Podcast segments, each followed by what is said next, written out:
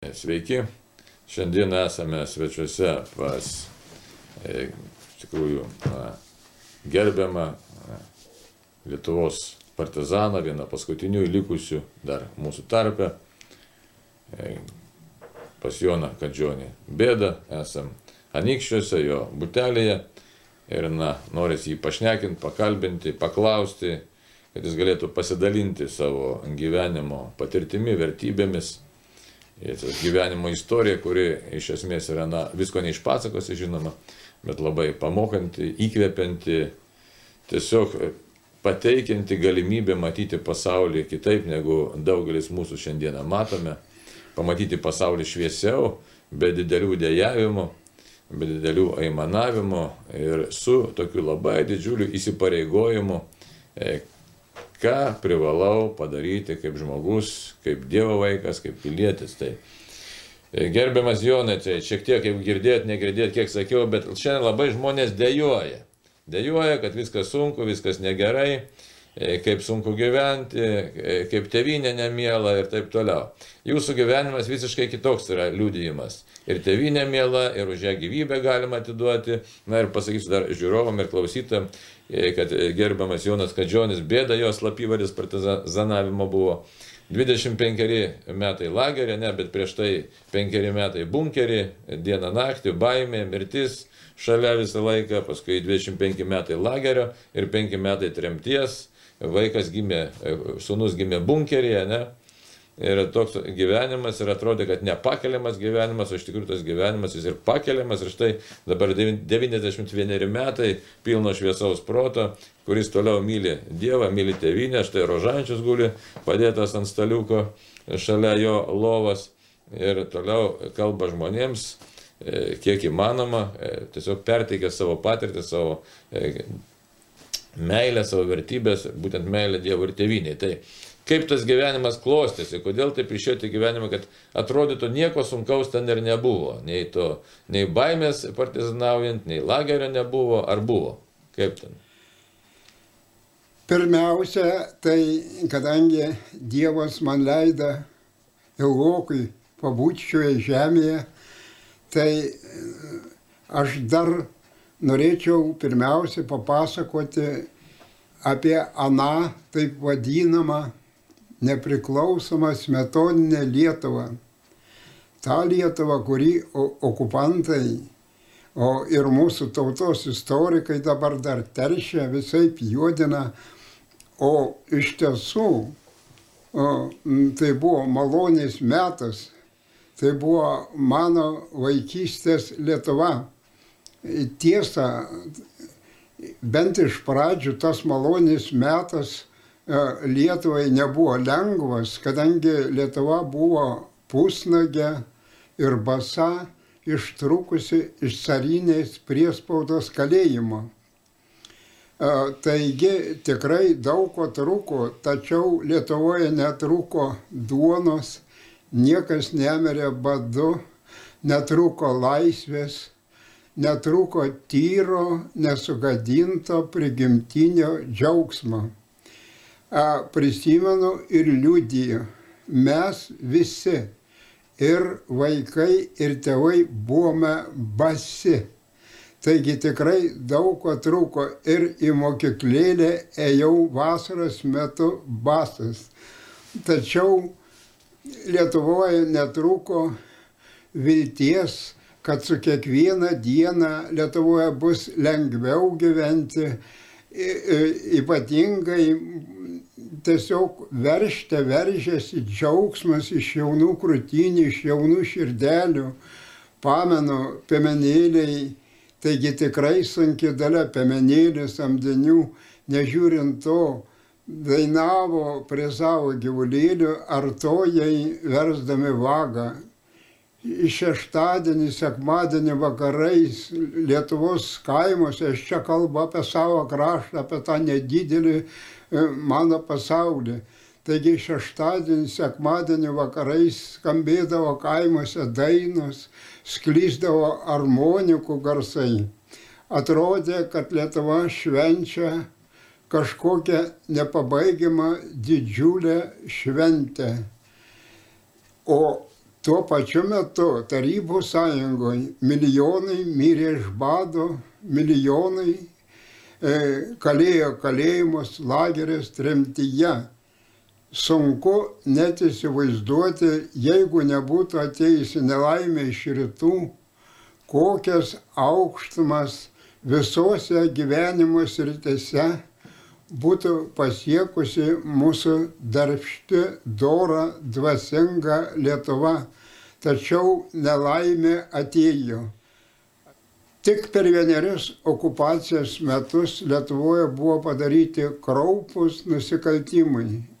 Lietuvą tiesiog aplankė siaubas, žmonių trėmimai, areštai, žudimai, bet to dar negana kankinimai nežinau, kiek Lietuvoje yra žiauriausių būdų nukankintų žmonių ir koks jų yra skaičius. Bet tiesiog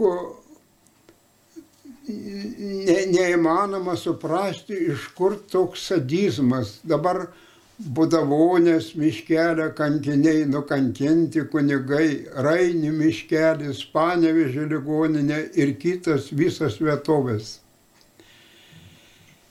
Tai kada Lietuva patyrė e, tokią didžiulę nelaimę, e, tai kada 1944 metais frontas artėja prie Lietuvos, iš Lietuvos ypatingai iš miestų žmonės bėgo E, lik iš skęstančio laivo, bėga nuo mirties, nuo giltinės, bėga į laisvą, į vakarų pasaulį. Nu, suprantama, visa Lietuva neišbėgs. Bet to Lietuvos kaimas, nu tikrai, mano supratimu, tai buvo tautos ir tvirtovė, ir šventovė. Bėgti nesirengia. Aš prisimenu, rinko ginklus ir rengėsi ginklu ginti Lietuvą.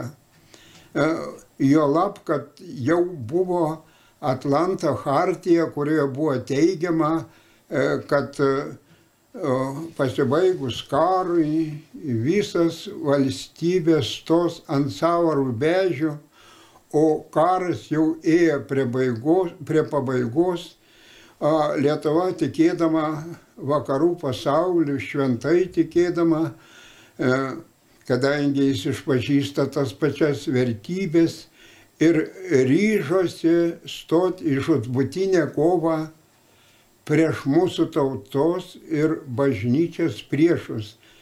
E, visa Lietuva gynėsi, bet ypatingai gynėsi krikščioniškai išauklėtas Lietuvos kaimas, artojų vaikai, sūnus ir dukras ir Lietuvos katalikų bažnyčia. Taigi tėvų palaiminti išėjo ir negryžo, absoliuti dauguma negryžo.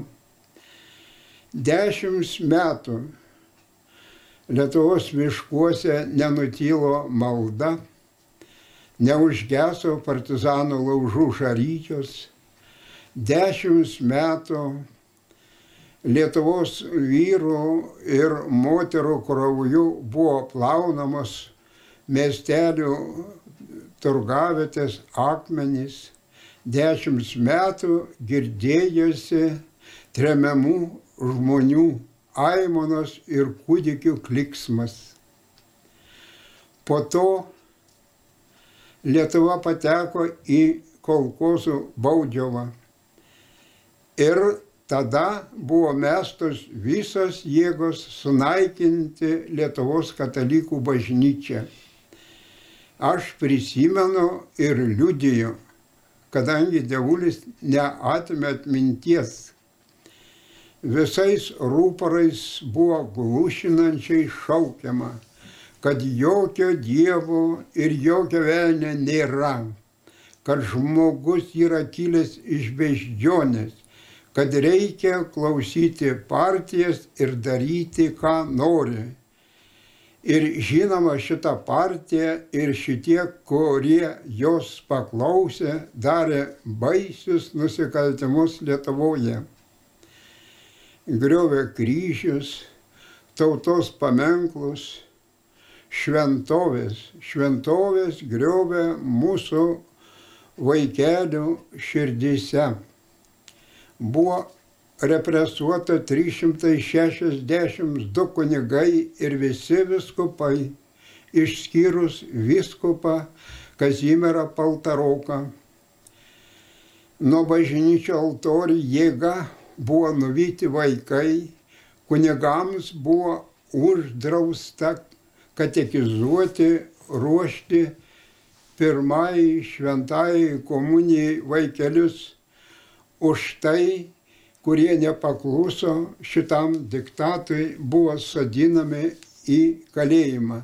Mokyklose buvo persekiojami dėl savo religinių įsitikinimų vaikai. Apie tai liūdė katalikų bažnyčios kronika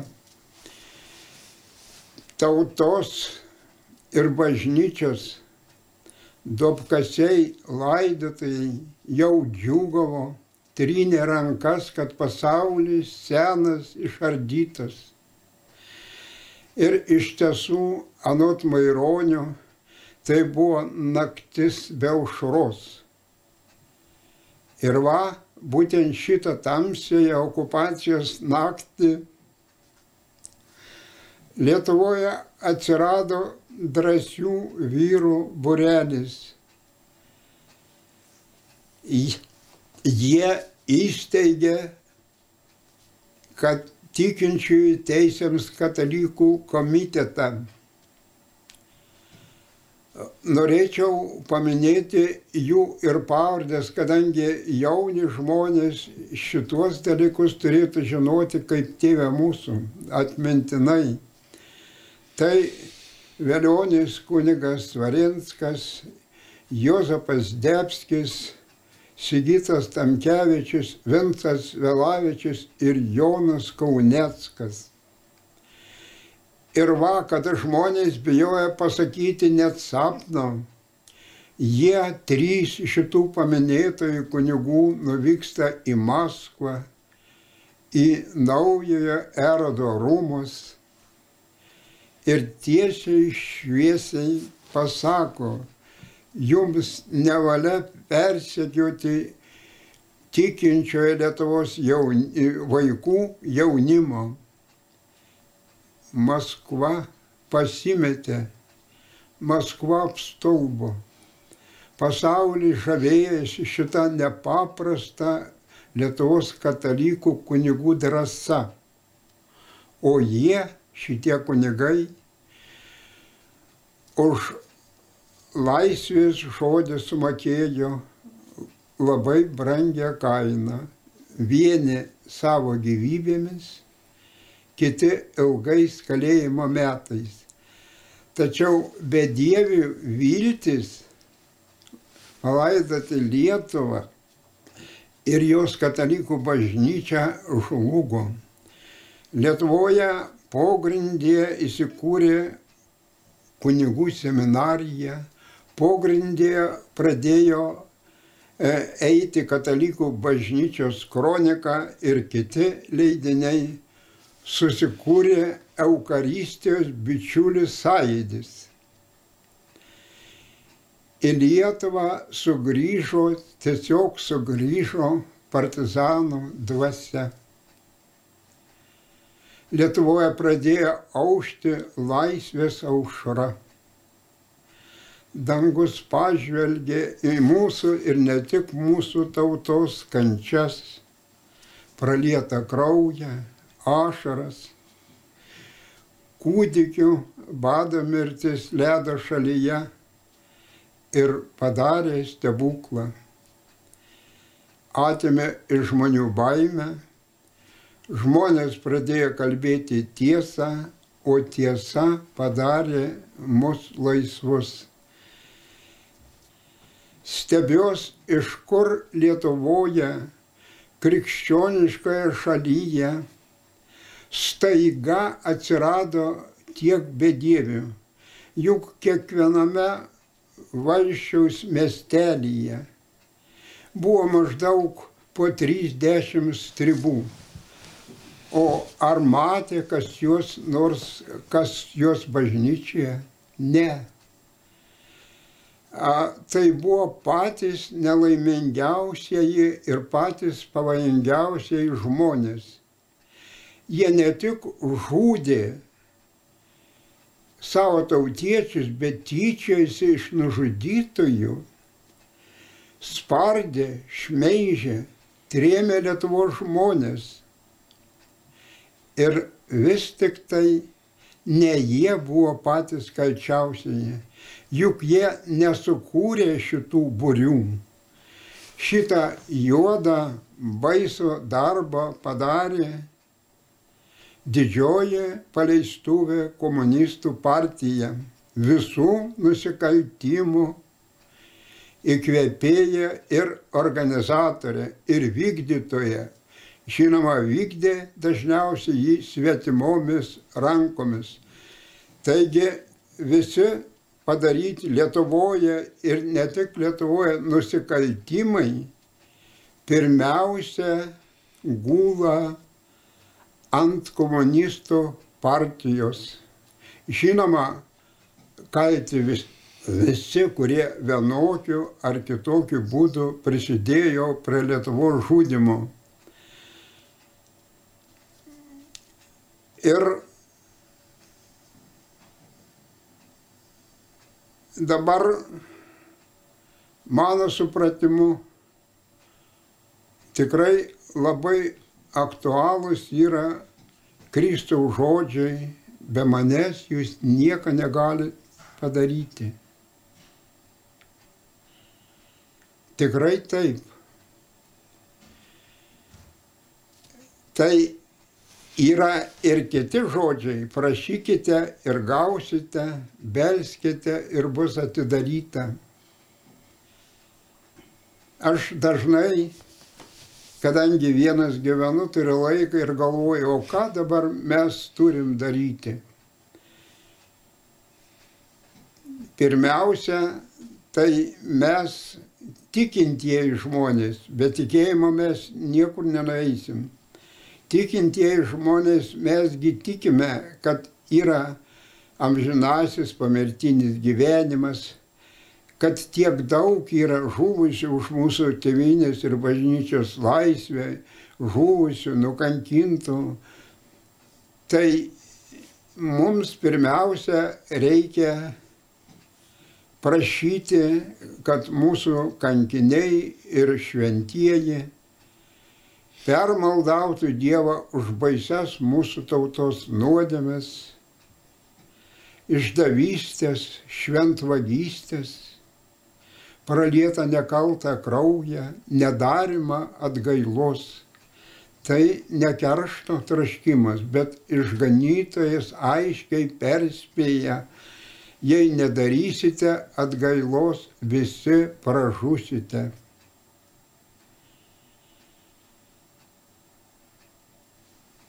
Reikia tikėti kad pagaliau Dievas pasigailės mūsų tautos likučio.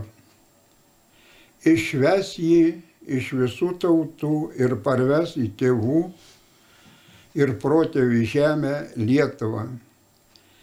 Reikia tikėti, kad Dievas ne tik pašauks mūsų jaunimą, bet paragins jį nedelsiant pradėti atstatyti sugriautas Dievo šventovės žmonių širdise, atkurti tikrąją laisvę ir nepriklausomybę ne tik nuo išorės, bet nuo visų laisvės priešų.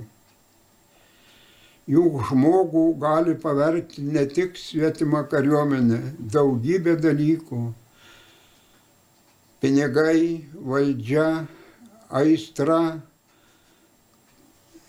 narkotikai ir, ir kiti dalykai. Stebios, kad Jūdas išdavęs Kristų, pajutęs sąžinės graužimą, metė pinigus ir susiradęs virvę pasikorė. Lietuvos judai pinigų nemetė ir virvių neieškojo.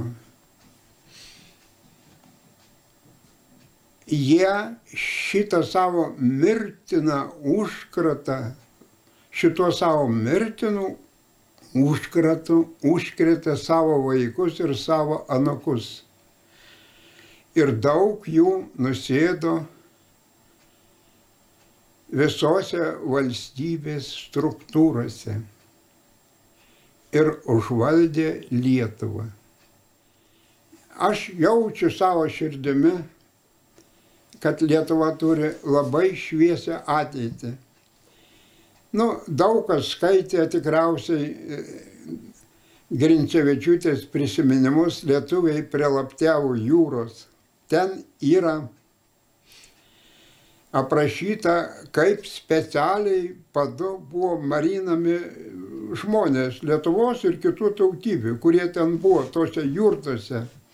Ir ten pameni daugybę pavardžių. Ir man įsidėmėjo viena pavardė. Išmirė visa Baranauskų šeima. Liko viena mergytė Birutė Barnauskaitė, berots aštuonerių metukų. Ir štai vaikas nori gyventi. Tiesia rankutes ir maldauja. Žmonės, būkite geri, priimkite mane pas save ir pabrėžia, aš valgysiu mažai. Tiesiog akmeninė širdis turėtų sudrebėti prieš šitą kūdikį. Yra toks posakis, kad kūdikio malda dangų skrodžia. Tai ką gali padaryti kūdikio bado mirtis, o jų mirė tūkstančiai. Va, čia ir yra mūsų tautos indėlis, avansas. Lietuva tikrai turi nuostabę ateitį.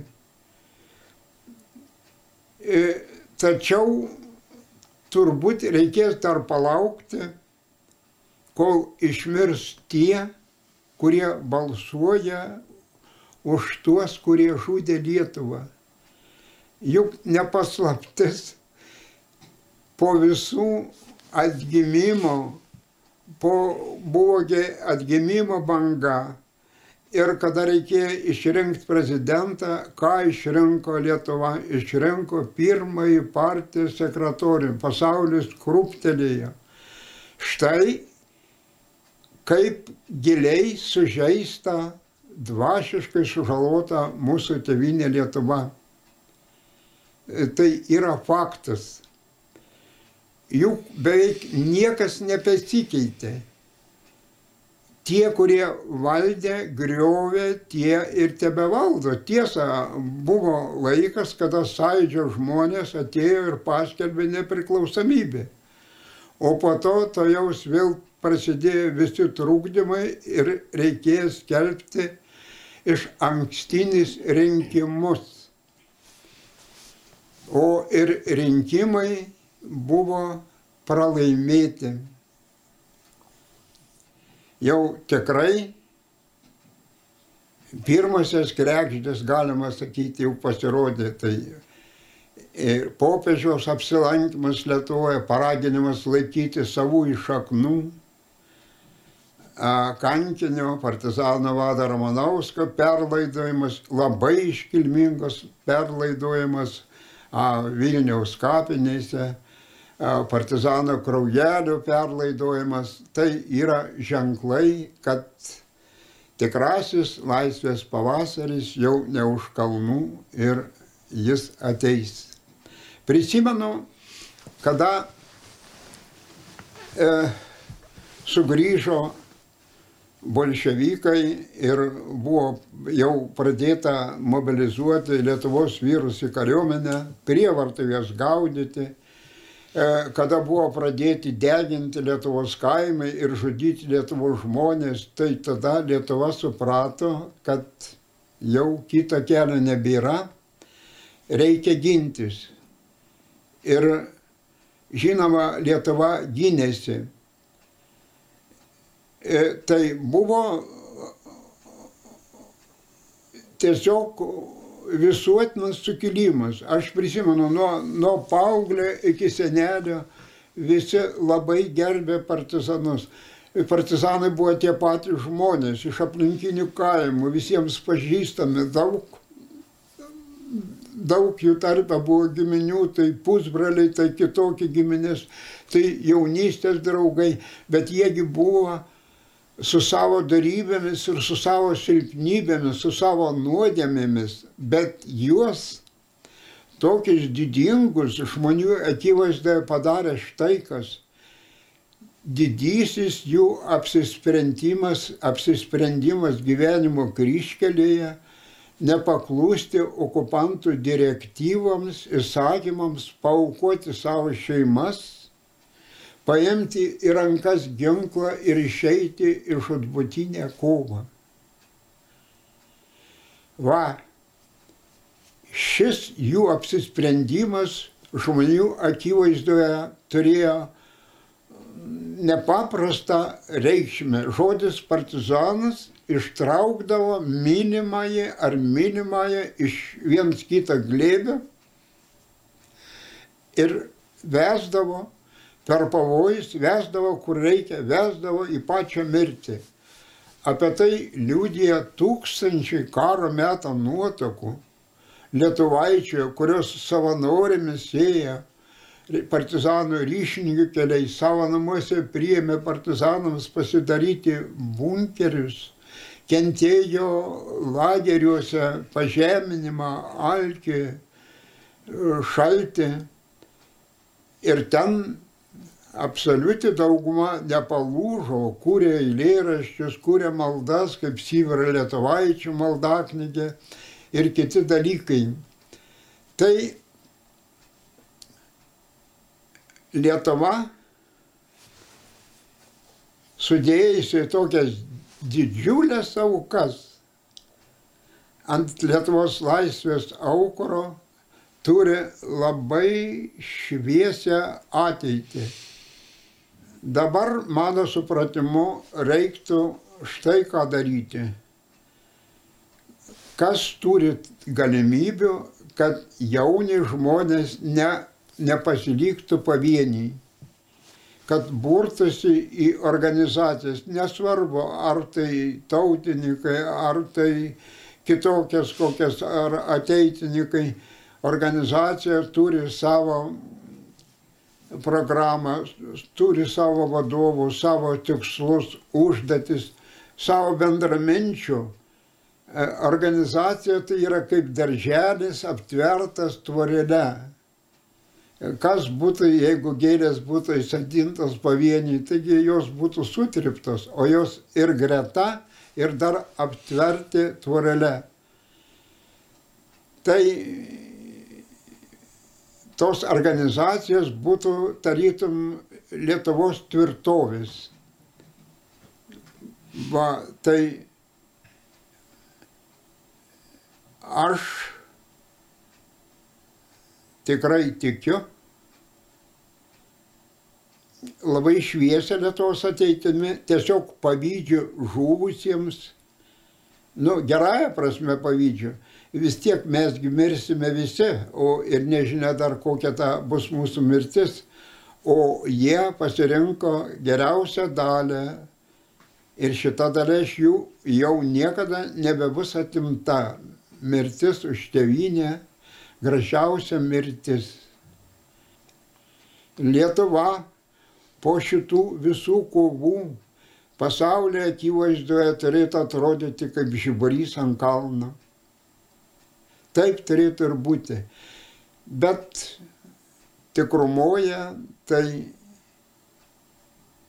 okupacijos metais Lietuva buvo padalinta skaldyk ir valdyk. Viena Lietuvos dalis gynė Lietuvą, mirė už jos laisvę, už tėvų tikėjimą, kita ją kryžiavo, kalė prie kryžiaus. Gerai, gerbiamas Jonai, o reiškia, kaip jūs pats, kokia nuotaika, kai buvo, kodėl, reiškia, tas partizanavimo kelias, na, ne tik kodėl jis prasidėjo, bet Dabar- žinai, kokia viltis vedė, ne, apie Jo, viltį reikia dabar pakalbėti šiandien žmogui. Žiūrėkit, Jo. e, pasakyti, kad išėjo partizano keliu, tai labai lengva. tai va. Bet išeiti į partizanų gretas nėra lengva. Aš pats prisimenu, mūsų šeima buvo gausi. Žinojo, ką padarė 40-41 metais su tais žmonėmis, kurie visiškai nekalti, nieko neprisidėjo. Mama tiesiog maldavo. Vaikeliai, cituoju, mūsų gausi šeima, žinokit, kai jūs išeisit į partizanus, mus išterios, trems, gal pasiaukokit. Ir eikit, pasiaukokit vardan didelės šeimos. Gal Dievas duos, gal jūs nežūsite fronte. Bet brolis Karolis, kuris tėvas pat ir žuvo, e, pasakė taip, mama, aš viską labai puikiai suprantu, bet aš negaliu eiti mirti po raudoną vėliavą. Ir va, išėjo į partizanų gretas ir tai jau žuvo, žuvo 18 partizanų ir tiek pat čekistų. E, Kadangi buvo žiemos metas ir uh, žmonės pavarė surinkti tos žuvusius, tai žmonės jau žinojo, šiaip jie savo žuvusius slepia. Pas juos ar, ar seržantas koks sužys, ar kas dar, daugiau nieko nebūdavo. Tai Vot, reiškia, partizanų dalia buvo labai sunki. Sunku įsivaizduoti, reiškia, ypatingai jau po 49 metais ir vėliau, tai kad ir miške viršuje jų vietos nebebuvo, reikėjo lysti į, į po žemėmis. Ir aš prisimenu, bunkeryje. Mes e, savotiškai dar buvome laimingi. Nu, daugybė partizanų buvo žuvę, e, daugybė Lietuvos žmonių ištrimta, vargsta Sibirė, o Sibiro tuomet žmonės bijojo labiau negu mirties kadangi iš Sibiro niekas nebuvo grįžę, gal ir buvo kur nors, bet žmonės nežinojo. Tai žinojo, kad bus tardymas, jeigu net laikysi, išduosiu žmonės, tai bus išdavikas. Kentėsi paskui badą, šaltį ir mirsi Sibirė. Tai už tai jauni žmonės žudydavos arba spragdindavos. Tai dėl dviejų dalykų. Gal pirmiausia, kad neišduot žmonių, o antras dalykas, kad vis vien jau Sibiras tai buvo mirtis. Tai va taip. Aš pats labai minėjau partizanus, ateidavo, jo tai įsiprausdavo, pirti kulkosvaidžius įsistato, aš negerai, bet taip galvodavau, kad, o kad dar sulaukt, kad ir man išeiti truputį. Va, ir sulaukiau. Tai ir apie tai, kad žmonės labai mylėjo partizanus, tai liūdėjo partizaniškas dainas. Juk buvo daug ir savanorė, ar buvo tiek dainų. Va. Ir dar prisimenu, 48-9 ir vėliau, kiek žmonės savo namuose priimdavo pasidaryti bunkerius. Aš tiesiog stebėdavus. Nu mes tai mes, mes jau nebeturim išeities, reiškia, bet jiegi tai neverčiami. Be abejo, tai reiškia jų krikščioniška dvasia šitą liepia daryti, aukotis. Ir va, e, partizanų motinam, reiškia partizanam tai jau yra ir paminklai, ir, ir paminklėliai, o šitiem, kurie e, partizanus priimdavo savo namuose, nėra. Tai aš e, pagalvoju, reikia žodinį sukurti, reiškia paminklą jiem ir sukūriau aukos keliais. Iš kur, iš kurgi tiek drąsos laisva valia į mirties puotą, sūnus ir dukros Lietuvos ryžos už šalį okupuotą. Viską, o viską paukojo ne tik save, bet ir šeimas. O kiek tokių mūsų Lietuvoje, kas suskaitys ir kas supras, kas išmatuos aukos didybę, sudėta laisvė į Lietuvos gal tik pasiekę amžinybę, suprasim vertę šios kovos. Tai didvyriai, tai dvasios milžinai, pakilę viršio žemės, meilės jėga, jie švies kaip žvaigždės amžinai, nors kūnai jų pavargę miega. Tai dabar gerbiamas Jonai, žiūrėk, partizanauti reikėjo drąsos, ne? Drąsos o. reikėjo, o koks santykis tada, kaip malda stiprino, ar kaip ten buvo su malda, tai reikalai partizanų buvo. E, e, kaip jau minėjau, reiškia, malda gyrija tęsiasi dešimt metų. Mes patys, o štai žmogus, mūsų kopos vadas, jis vadovaudavo maldai, paprastai kalbėdavom ražančių.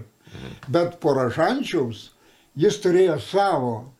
Ir kadangi e, aš kartu melzaus, pas man dar išlieka e, tos maldos žodžiai.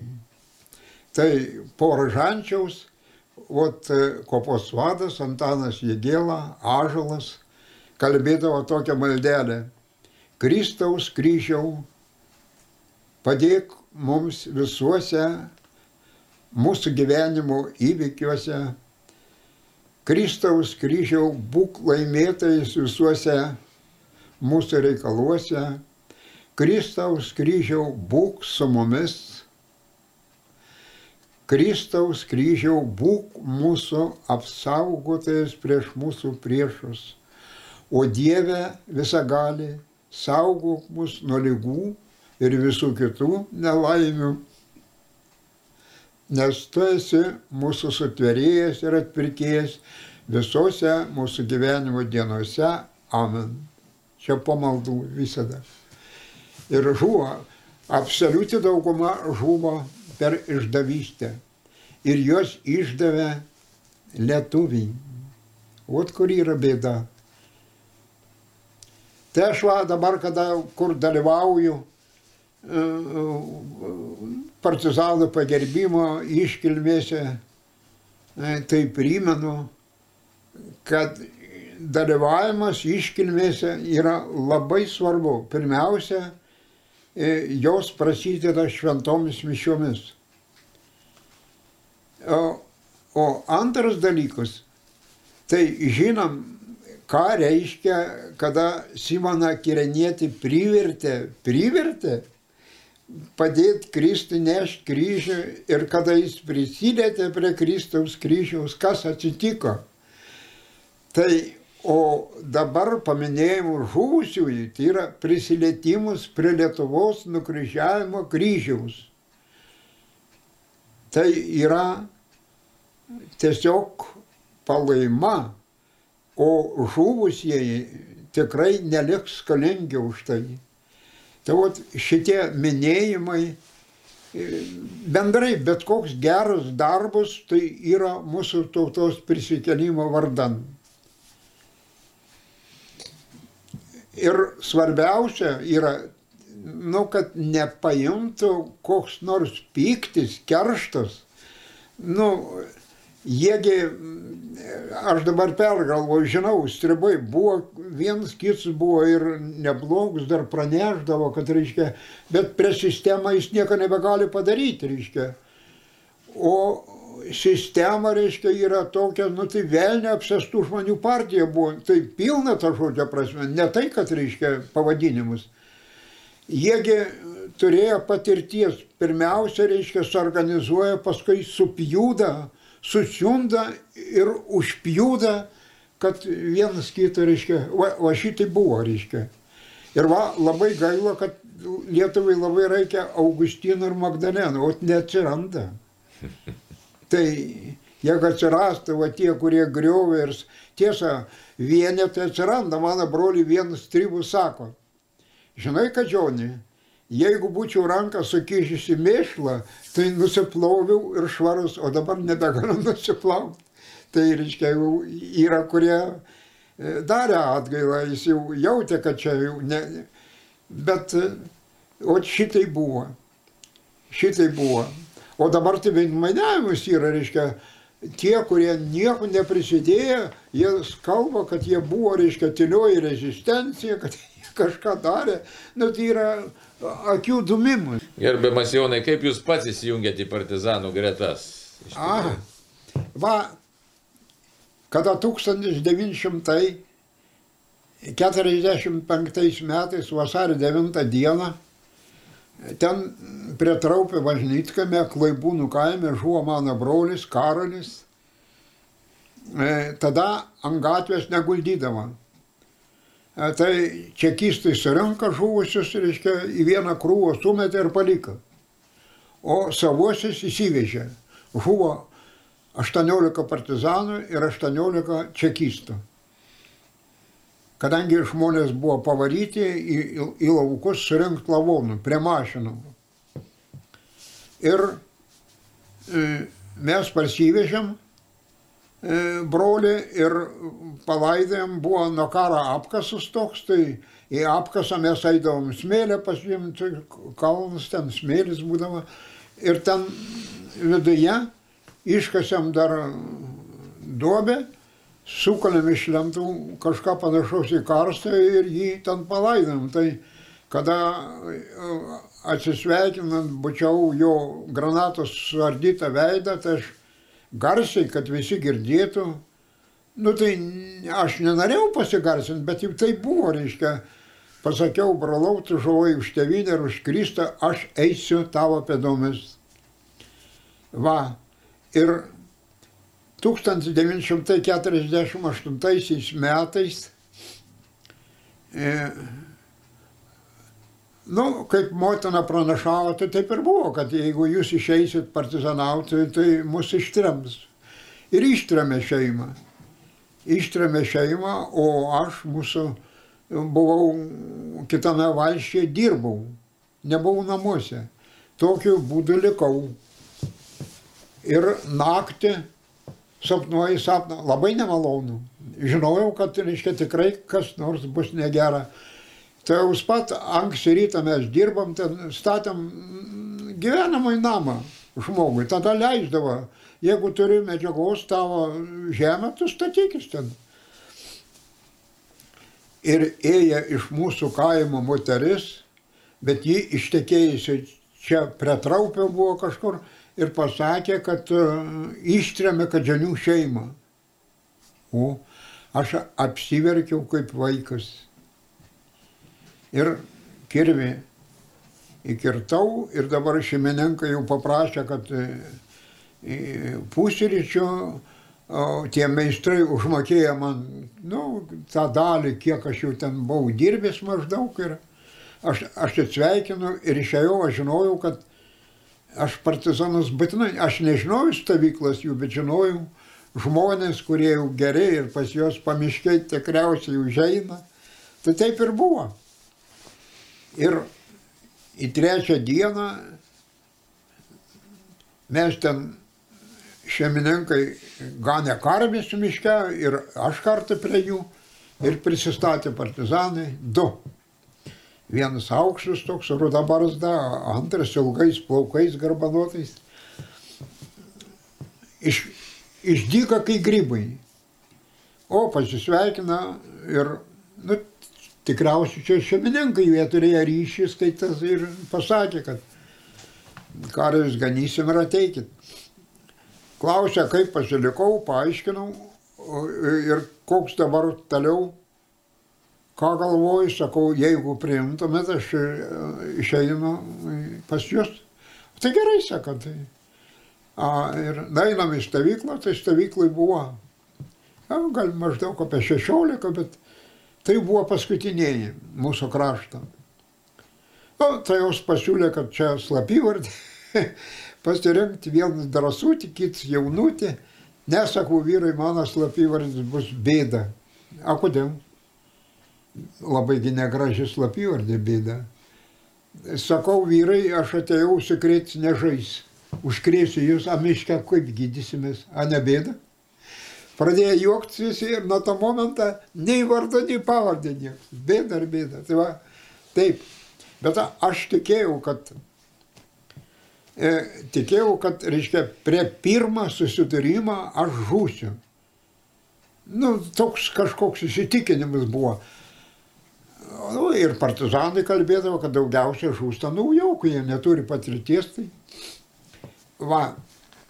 Ir atėjo tas ir pirmas apsupė miškelį, kuriame buvom, miškelis nedidelis.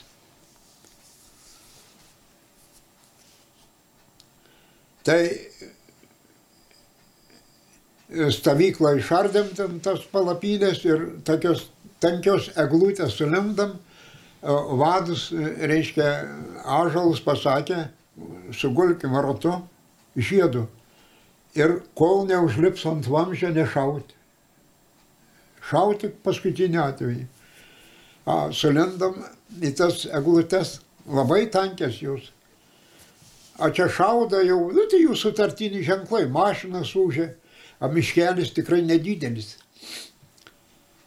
Dabar jau girdisi čia praeglutes. Aha.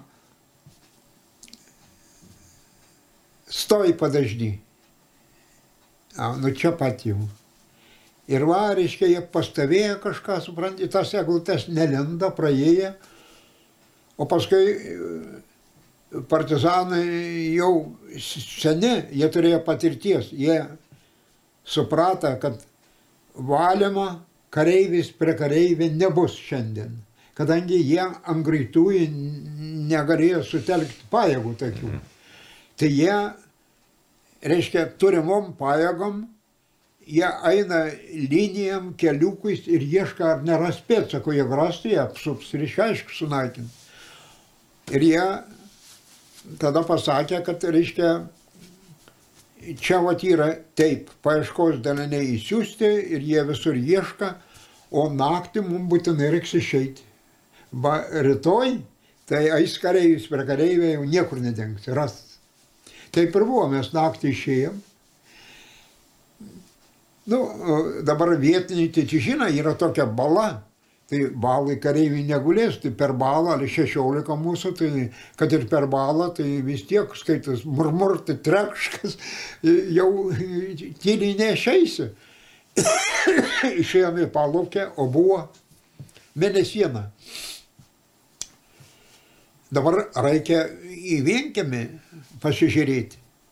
Gal pasalas ten yra, ar kaip įsileisi į lauką ir du partizanai. Mes sugulėm, du nubėgo į tą vienkimį, barkštelėjo į langą ir paklausė, ar nėra kareivių. Šeimininkai sako, kareiviai klaimi, bet va nešauda. Mhm. Ir, ir, ir dabar sunku pasakyti, reiškia, kodėl. Gal buvo koks bailys stovėjo sargybai. Žino, kad partizanų kulkas irgi neišmaulė. Tai jeigu už jų amatė, kiek išėję, įsipylėm, taigi vienas nuo kito toliau, šešiolika tai jau, abaimės akis tai. vienu žodžiu nelėtė mūsų, o mes ėjom ir išėjom toliau, reiškia, per laukus, reiškia, jau, nu, rizikavom, kitą kelią nėra. Ir ant rytojus taip ir buvo, reiškia, e, kareivis prie kareivį ėjo, viską radote, visus puodus sudaužė. Tai va, tai, o antras gautynės tai buvo 1949 metais. Buvo žolinių šventę 15 rūpiučio, gavom žinę, kad į Traškūnų gyrę yra atėjęs apygardos vadas pats Antanas Starkus Montė, va čia jau ir yra ir portretas. Ir nori su mumis susitikti, tai iš bunkerė e, civiliškai apsirengė su mažu ginklu, vienas partizanas nuėję jų pasitiktinai, mes sutarėm su juo, kurioj vietoj tenai jie pa, paruoštas, reiškia. Tai tai šieną prinešė iš ūkininką, viską tos guolis parašė, o vakare sutemus mes išėjom, tai pasirenkam išmanių maistą dar ir susitikom stovykloje, vieną dieną pabuvom Ir svečiai e, sako, kad mes grįšim į savo dislokacijos vietos, o mūsų vadas sako, pabūkit vyrai, o kadangi mes susitinkam. Ramu ir Kavarskė buvo, ir ryšininkai, ir jokių čia ženklų, nieko. Na, jie sutiko pabūti. Sutiko pabūti, o sako, nueisim čia pamiškiai pirti iškurensim, visi maudysim, pavakarieniausim, taip ir padarėm. Ir dabar, kada sugrįžom į, į tas šieno patalus, užė kažkas, girdis užimus. Bet dabar su partizanai susidomėjo, kas čia per užimus. Mhm. O, tai mūsų vadas sako, čiagi traktoriai penkmetį vykdo, naktim taip ir darydavo. Mhm. Nu, penkmetį tai penkmetį, bet nuosėdas vis tiek lieka, gal ir ne penkmetį. Mhm. Ir va, du mūsų vyrai buvo išėję į kaimą. Anksti rytą jie sugrįžo auštun. Mane pažadina bėda, sako, leisk man pagulėti savo vietą, o pasta, sargybui pabūk. Aš sargybuoju, tada rūkydavau, užtraukiu dūmą ir įsijėmęs iš planšetės e, popieriaus, bandau kokią e, e, eilę kokią sukurti, tos eilės virsdavo partizaniškų dainomų, mhm, partizaniškų. Ramu taip viskas, bet nesiriša jokios mintis. Tai aš vėl padėjau ir girdžiu, kad tai čia sutiriška, tai čia sutiriška. Iš gilumos miško. O tai dabar reiškia Bet e, prieš metus laiko man irgi teko taip anksti rytą, suprantate, nemegoju, buvo atsikėlęs, irgi kažkas treškėjo, treškėjo ir užėjo šernų, daug jų, visus burys. Tai dabar galvoju, šernai. Šernai eina iš naktinės medžioklės, bet čia jų daug. Tai baimės jokios, bet dėl viso ko, kadangi apygardos vadas yra atėjęs, tai pri, nubėgau į stovyklą ir pradėjau spardyti padus. A, čia mūsų buvo ženklas, į, į padą jau spyrėti, žinau, jau rimtas mhm. pavojus. Visi sušoko, apygardos vadas pasižiūrėjo į laikrodį ir parodė su rankam, kad prasiskirti. Aš parodžiau, kad čia atitiriškai ir tai jūs pasimatys. Ir pasimatė iš karto. Nu, tai mūšiškiai pirmieji atidengė ugnį, o partizanai tai frontą nelaikės ir kur kam patogiau ir skyrės. Ir mes į tris dalis. Ir mes šeši patekom į, į patį tą žiedą. E, dabar apygardas vadas Monte sako, o kur čia yra viškeliukus koks.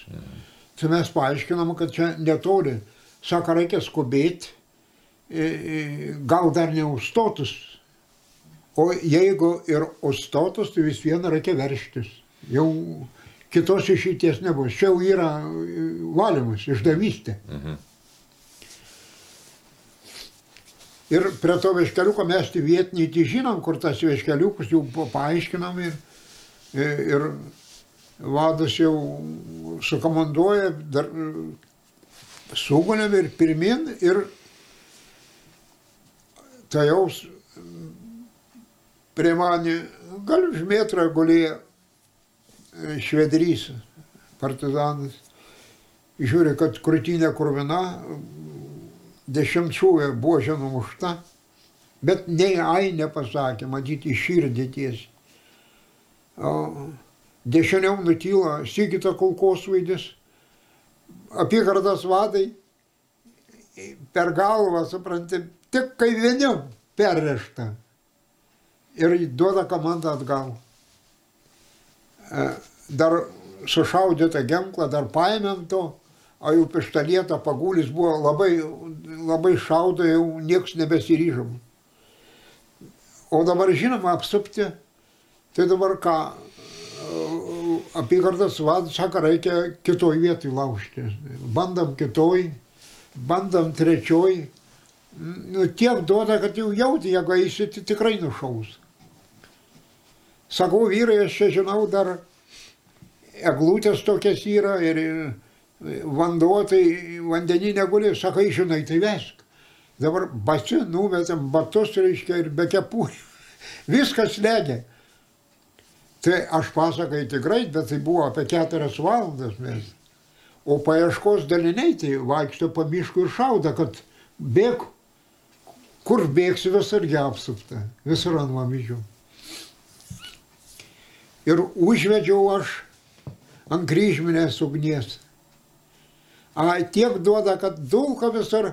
Dabar pagalvojau, jau labai bijodam gyvi patekti. Prisidėjau parabėlė prieš Melkinę, tik paspausti va galvą pakėliau, žiūri, kad apygardas vadas, gal kokie keturi metrai, va, kairiai šliaužė.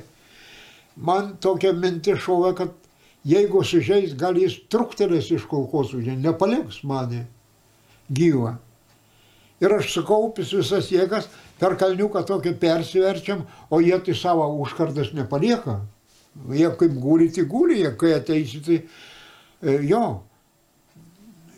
O dabar apygardas, su, su, dabar tokia eglutė ir slenelis biškutė. Apygardos vadas sako, vyrai, va, tokiuose beviltiškose kautinėse per visą partizanavimo laiką nesu buvęs. Šaviniai baigėsi, tai mes turim čia nusišauti. Nu, kad nepatiekt gyviai. Aš tik pats dariau nusišautą, dabar pats pirmas sakau, o gal dar nereikia šautis. Ir man pritarė partizanas slapiuardė konkurentas. Ne, sako, šauti nereikia. Sako, tegu jie nušauna. O gal dar kuris nors ir išeisim. Tada apygardas vadas sako taip, kur esam, tiesiai einam, kad nušauta baisu eiti. Bet jau kitą kelią nėra. Dabar einam, mes keturiese buvom likę, einam ir tiesiai ant mirties jau einam, kad nušautų.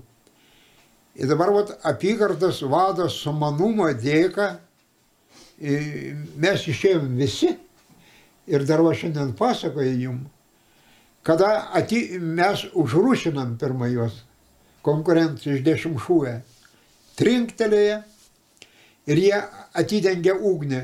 Apygardas vadas buvo kairiai, nu, gal porą metrų nuo mane, reiškia, šokas stačius ir iš kulkos, a kai šaudo, dum, dum, dumuoja per tuos dumus, per tuos dumus. Ir paskui, a kai šiandien matau e, basus be kepurės, e, sako, gana, šitie daugiau nebešaudys. Ir dabar greitai prie veškeliuko ir šokim visi vienu kartu. peršokam ir jaukia šūvę. Paskui jie tik pradėjo šaudyti, bet tai jau, jau, jau iš panikas mums nebe, nebe pavojus. Ir radau archyvose jų šitas kautynės pavadintas operacija Proval. Jau. Gerai, dabar, reiškia, dar trumpai, reiškia, kaip ten tas santykis su šeima, reiškia, šeima jūs e, ūkdė labai tautiškai, su tikėjimu, ne, tai kas A. labiausiai tikėjimą palaikė, mama, tėtis, jo kaimas, matot, e, aš- trumpai, tai jo. Jo, jo, aš kalbu tai apie savo šeimą, apie aplinkinius kaimus, kur buvo mano toks mažas pasaulis. Tai mes maži vaikai būdami jau žinojom gyvenimo prasme. Ir jeigu vidurnaktį kas būtų pakėlis ir paklausęs, o, o, o, o kam žmogus gyvena žemėje, mes būtume jau atsakę, kad, kad įvykdytume Dievo valią ir naitume į dangų. Ir tai buvo ne, ne tik, kad išmokta, mes namuose visą tai prieš valgį, pavalgę, visą tai žegnodavomės. Tai buvo jau kaip šventa taisyklė. Mišių laikus būdavo, tai e, girdėdavos, kai varpai skambina kavarskė. Tai mes melsdamis visi atsiklaupę. Dabar tai jau gal kitaip yra, o tada visi atsiklaupę. Varpai dzen, mes ant kelių. Va, matydavom, kaip tėvai meldžias. Tai va, šitus tai. Ir dabar, kada užėjo bolševikai, kada jie pradėjo vi, viską neikti, tai mes buvom, ir bendrai partizanai buvo šventai įsitikinę, kad mūsų pusė tiesa, mūsų pusė Dievas, mūsų pusė ir pergalė, mes esame užpulti, mes gi ginamės, Ja, o gintis turi teisę, ir paukštelis, ir žvėrelis gynasi, tai va. O ką dabartiniam jaunimui, ne tik jaunimui žmogui, galėtumėt pasakyti apie maldą, apie e, tikėjimo reikšmę?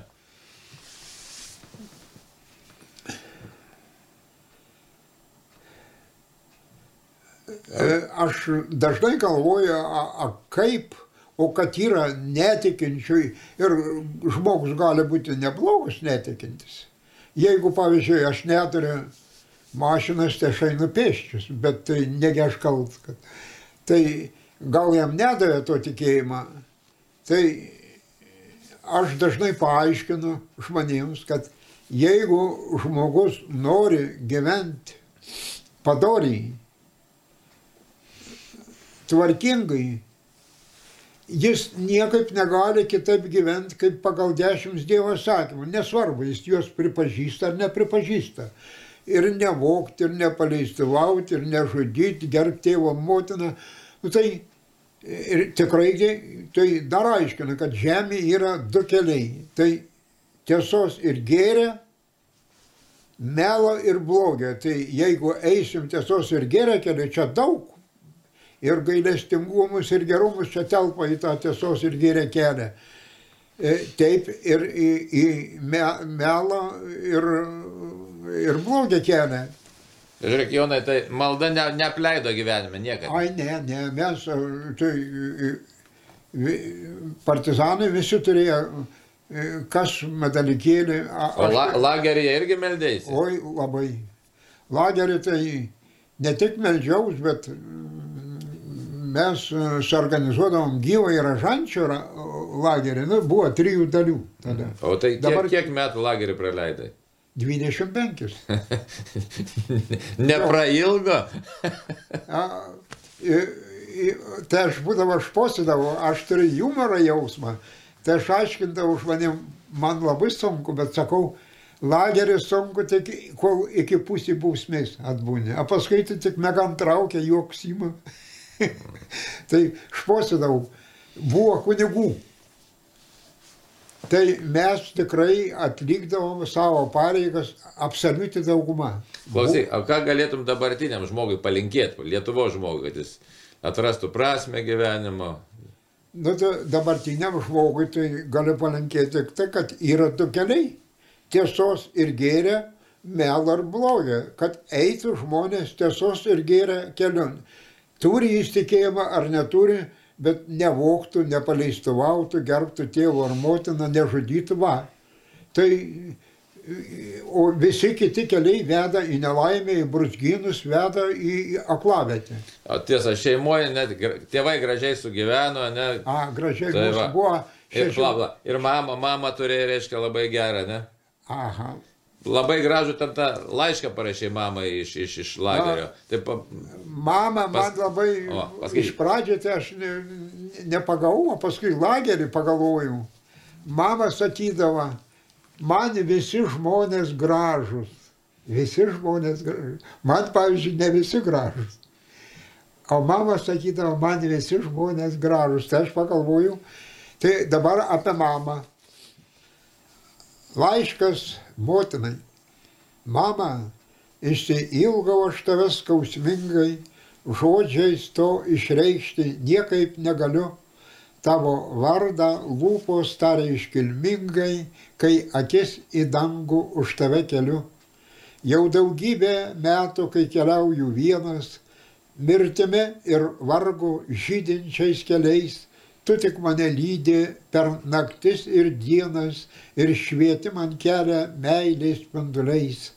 Mama, aš klaupiuosi prieš tave ant kelių, dėl tavęs numirti aš nesibijau, niekad nepamiršiu tų kelių takelių, kuriuose mamytė pražilai tu jau. Per naktis būdėjai prie mano lopšelio, krūpčiai per miegą dėl manęs vis tu, su didžiulė meilė pastatėjai ant kelių, tavo jautrė širdį aš visur juntu, sieloj žiburėlį uždegiai man šventą, jokio žemės audros jau neužgesys, kiek kilnių troškimų širdį sukurenta, koks galingas gėrio, grožio ilgesys, rūpeščius ir skausmus dėl tavęs aukosiu, šito man uždrausti niekas negalės ir už tavo meilę dangui te dėkosiu, kas labiau už tave, mama, man mylės. Nebijok, mamytė, niekur nepražūsiu, kas mane apsaugos, tu pati žinai, jo net vėjai klauso, aš su juo vien būsiu ir tave mylėsiu, mama, amžinai. Na, va, dėkojom Dievui. Va dėkojam. dabar noriu prisipažinti, esu labai laimingas žmogus. O, Man gyvenime įsipildė visos svajonės ir dar su kaupu. Pirmiausia, tai žmogus, jeigu neišeina į vienuolyną ar į kunigus, tai sukuria šeimą. Tai va, jaunystės tos svajonės, partiznaujant teko pamatyti mergaitę, kuri man įkrito į širdį. bet aš žinojau, kad tai daug kas kam įkrenta, bet tai nereiškia, kad jau ir tavo. Vo, ir ji vėliau tapo mano žmona. A, antras dalykus, tai labai troškau pabūti partizanų gretose. Ir e, teko išbūti penkis metus. Tai paprastai partizanai išbūdavo tai porą, trys metai čia jau. O ir paskui lagerį būnant aš labai e, buvau priešingas, kad e, e, lietuviai kiti parašydavo prakeikimus, nu, pasmerkimus savo praeities. Nešiodavo raiščius raudonus susidėję, reiškia, nu, tvarkos palaikymai su prižiūrėtais. Čia aš buvau labai priešingus, o jie man atsakydavo, palauk, palauk, o kai tau ateis laikas, pasėdėsi ilgiau ir pats taip darysi. Tai aš sakydavau, jau kada darysiu, tada ir mane vadinkite taip, bet kol kas tai nedarau. Ir va, ačiū Dievui, nepadariau šitą. Tai ir dar kas, laisvę sulaukiau. O aš lagerį būdamas tikrai netikėjau, kad aš būtent sulauksiu laisvės. Žinojau, kad Lietuva nesu, nesu mumis prasideda ir nesu mumis pasibaigs, bet kad aš asmeniškai Tai netikėjau. Pradėjau tikėti atgimimo metais, kada buvau už katalikų bažnyčios kroniką, kurios aš nesu matęs. E, buvau penkis metus, reiškia, ištramtas į Kaliningradą sritį. O e, jie, kada aš sugrįžau iš lagerio, pradėjo verbuoti, pasą neregistruoja ir liepia įsidarbinti. Neregistruotų pasų niekas neįdarbina. A, tai buvo pajūryje, toks yra bažnytkaimis Šilalės rajone. Buvo kunigas Abramavičius, tremtinys. O ir jis man sako, gerai, gali paperiukus parinksi čia, nieko, valytojų. O, o jie, kadangi įsidarbinau bažnyčiai, nebeturi ko daryti, sakau, jūs liepėt įsidarbinti, kitur nepriima, o bažnyčia man priėmė. Jau ir paskui pradėjo, reiškia, tiesiog verbuoti, iššaukia ir sako, čia geras darbas, kunigai su mumis dirba. Tuo laiku tai aš netikėjau, supranti. Kunigas tai man buvo, reiškia, viskas. Tai galvoju, čia jūs čia nesakyk nesąmonė. A, ir sako, čia geras darbas, o jeigu sutiksi, taip ir sako, kad čia eina katalikų bažnyčios kronika, a mums reikia, kad kas pagelbėtų. Sako, aš apie tai nenoriu neklausyti, negirdėti. Tai sako, tau reikėjo sušaudyti, bet labai tarybiniai įstatymai gumaniški ir likai. Tai paskui atėjo ministro tarybos nutarimus, kad aš privalau iki gegužės 17 dienos, tai buvo 1983 metai, palikti Lietuvos teritoriją. O ir tada išsišaukia kagabistus. Ališauskas pavardėti Šilalės rajone. Ir sako, jums reikia išvažiuoti iš čia. A, kur sako man važiuoti? Juk aš čia paleistus nuolatiniam gyvenimui. Išvažiuokit ir viskas. Ir duoda pasirašyti ne pakvietimą, bet paraginimą atvykti administracinį teismą. Žinau, jeigu nuvyksi į, man į administracinį teismą, būsi areštuotas. Ir aš pradėjau slapstytis. Aturėjau pažinti su vėlioniu kunigu Zdebskiu. Jis sako, tu parašyk, e, e, reiškia, du egzempliorius rusų kalba. Aš parašiau vieną išsiuntė į Maskvą, kitą į užsienį pateko ir pradėjo kalbėti, reiškia, apie mane, kad parašiau taip, kad už partizaninį, už partizaninį judėjimą buvau teistus, 25 metus bausmę atlikau, sugrįžau į, pas savo šeimą, nurodyto adresu, o vietos valdžia, pareigūnai, e, e, savivaliaudami, reiškia, pradėjo terorizuoti mane, iš darbo išvietė rašo, kad bedarbis, pasų neregistruoja, deda baudas, kad gyvenu neregistruotų pasu.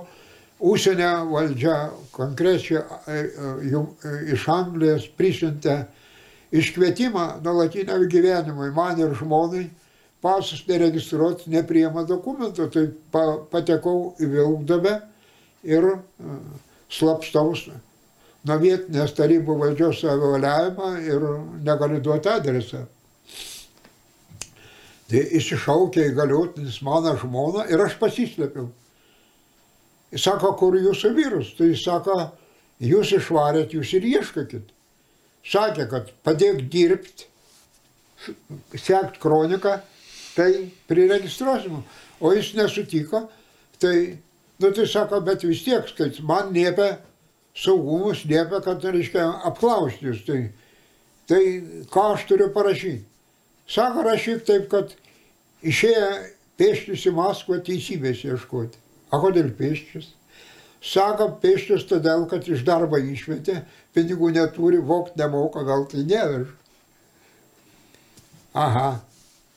Tai va taip, Ir tikrumoj nuvykau į Maskvą, iš čia, iš, iš vietos, tai kad nepamatyta, paskui įtraukinė ir, ir Maskvoje atidarė kelią. Maskvoje net, net, neturi asmeniškumų. Aš viską prašiau, o tik nerašiau, kad mane verbuoja, aš nesutinku dirbti. Tai papulkininkas Katuševas man e, įsišaukė ir prie manį paskambina Vilnių ir sako, pas mane kabinete sėdi kadžionis. O kodėl jūs su juo taip elgėtės? A jie Maskvos bijodavo labai. Ką atsako, negirdžiu, tai prašo kažkokio tai pagal tėvavardį. Jie nesaranda, sako, išeikit, palaukit, mes susiryšim ir pakviesime. Ir po tiek laiko pakviečia ir sako, žinot ką, pas juos yra savi įstatymai, mes tai ne, ne, ne, nenorim maišytis, o jie gali jūs priregistruoti, gali ir neregistruoti.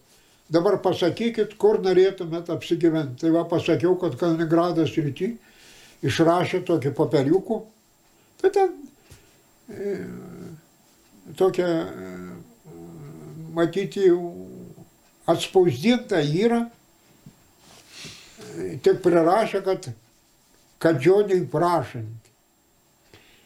E, aprūpinti darbu ir gyvenamoji plotų Kaliningrado srity. Tai va tokiu būdu išvengiau, bet penkis metus išbuvau Kaliningrado srity. Dabar pabaigai noriu, reiškia, nusikelti, reiškia, su partizanų daina į pokarį. Čia jį negirdėta tikriausiai, tai gerai. Ak šalyje sudėjavo motulė ir kodėlgi tu tiek daug kenti. Prie darželio pravirko sesulė, nuo aidėjo verkimas toli. Nuo gaisrų mūsų padangė paraudus, liūdnai ošia žalieji miškai, okupacijos metai vaiskaudus, kasdien žūsta tauriausi vaikai, kas paguos sengalvėlę, motulę, mergužėlę švelniai kas priglaus, gatviai broliai, išniekinti gūlė krovini akmenėliai turgaus, angelai jiems nupynė vainiką iš puošniausių gėlynų dangaus, mirdami amžiams gyvi paliko ir kilniausiai vardą žmogaus. Taigi, brangiai, iš tikrųjų šiandien bendravom su Jonu Kadžioniu, šiandien, sakau, čia dalyvavom, šnekėm ilgą laiką kiek šitos medžiagos pavyks parodyti šiek tiek, bet primenu, Jonas Kadžionis gimęs kada 1928, teisingai. 91 metai jau šiuo momentu jam yra. Ir sako, aš esu laimingas žmogus, bet laimės formulė, jeigu taip žiūrint, na, sakysim, šiandienė žmogaus akimis, tai labai keistoka ta laimės formulė. Gimė laisvoje Lietuvoje, paskui karas, partizanavimas, 25 metai lagerį, 5 metai tremties, sunus užaugo tėvo nematydamas, ne? E, šeima tik tai susitiko jau, kaip sakyti, vos ne į senatvę ir žmona mirė, teisingai, žmona mirė. Ir štai šiandien sėdė, sako, aš esu laisvoje Lietuvoje, laimingas žmogus, nes tikiu Dievą ir pamačiau laisvą Lietuvą. Tai kągi, gerbimasis, dėkojam už tarnybą Dievui ir tėviniai. Būk palaimintas. Ačiū, ačiū, ačiū vyrai, kad atvykot